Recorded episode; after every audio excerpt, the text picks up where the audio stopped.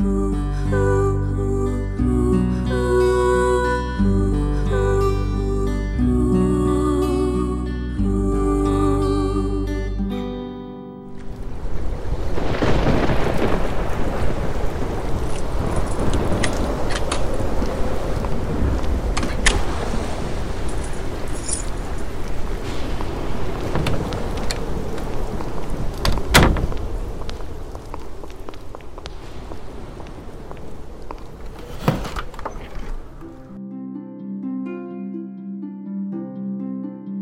ඔන්න පහෝදා උදේ ඇහැරුණහම ඉස්කෝල යන්න මට හරී කම්මැලි. ඉතිං නංගීමයි දෙන්නම එකතු වෙලා පැලෑනක් ගැහුව ඉස්කොලි නොයහඉන්න. ඉතිං අපි දෙන්නම ගත්ත බොරු වුනක් නංගි මාව බේරගන්නව මන්නංගියෝ බේරගන්නවා. අපපොච්චව කෙසේ වෙතත් අත්තම්මව අන්දන එක තමයි අමාරුම වැඩේ. අත නම් වැඩේ ගොඩක් කමාරුණේ නෑ ඊත් ඔය වැඩගොටහක් කොලානේ අප්පුවා මහන්සි ඇති ඕකද ගෙදර හිටියාව කියලා අත්තම්ම අද කිව්වා. පැලෑන සාර්ථකයි. ඔන්න නංගිමයි දෙන්නම අද ගෙදර. අපි දෙන්නම ඉස්කෝලේ යන්න ඇති දවසට අපිව සහේලිට බලන්න එපා කියන්නත් බැරි වුණත්.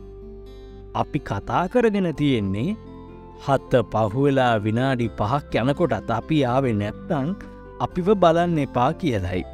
කොහොමත් සහෙලි අපිව බලාපොරොත්තු වෙනවනේ. මේ පැලෑන කලින් මට කියන්න බැරිවුණ එක ගැන මට හරිම්ම තුකයි. ඊටත් වඩාද සහෙලිව උදයට දකින්න හම්බෙන්න තියකට මට හරි දුකයි.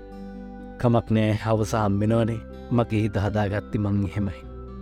ඕම හරි දැන් ගෙදද හිටපු නිසා කරන්න දෙයක් හොයා ගන්න තෝනෙ නිසා චුට්ටක් එලියට බැස්සා. මිදුලට බහිනකටම මාළුකදකු තරගෙන මාළු මාම එනව දැක්ක.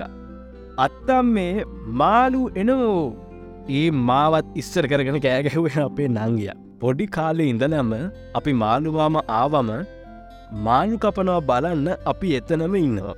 අපි එහෙම ඉන්නකොට අපේ ගෙදර තවයාලයකුත් අපිට එකතුරවා. ඒ තමයි කිරිය අපේ පූස් පැටිය. කිරිය දන්නවා ඌටත් අයිංකරන මාළු කෑලි මාළුමාම දානවා කියලා. ඉඳ පුස්තටයට. මේ පාරත් කිවියට වාසි. මං දැන්නම් මස්මානු කන්නේ නෑ. හැබැයි පොඩිකාලෙ කෑවා. එක පාරක් කනයක නවත්තල තිබුණා. ඒ මුලින්ම මං එහෙම නැවැත්තුවේ පහේ පන්තියද හිටපු ඉස්කෝලෙ හාමිනේ මස්කනයක හොඳ නෑ පව් මෙහෙමයි. සත්තුන්ව ඔයාලට කන්න මරන්නේ කියන්න ගත්තාම ඒ වහලා මුලින්ම පවුනෙ කියල කන එක නවත්තලා දැම්ම.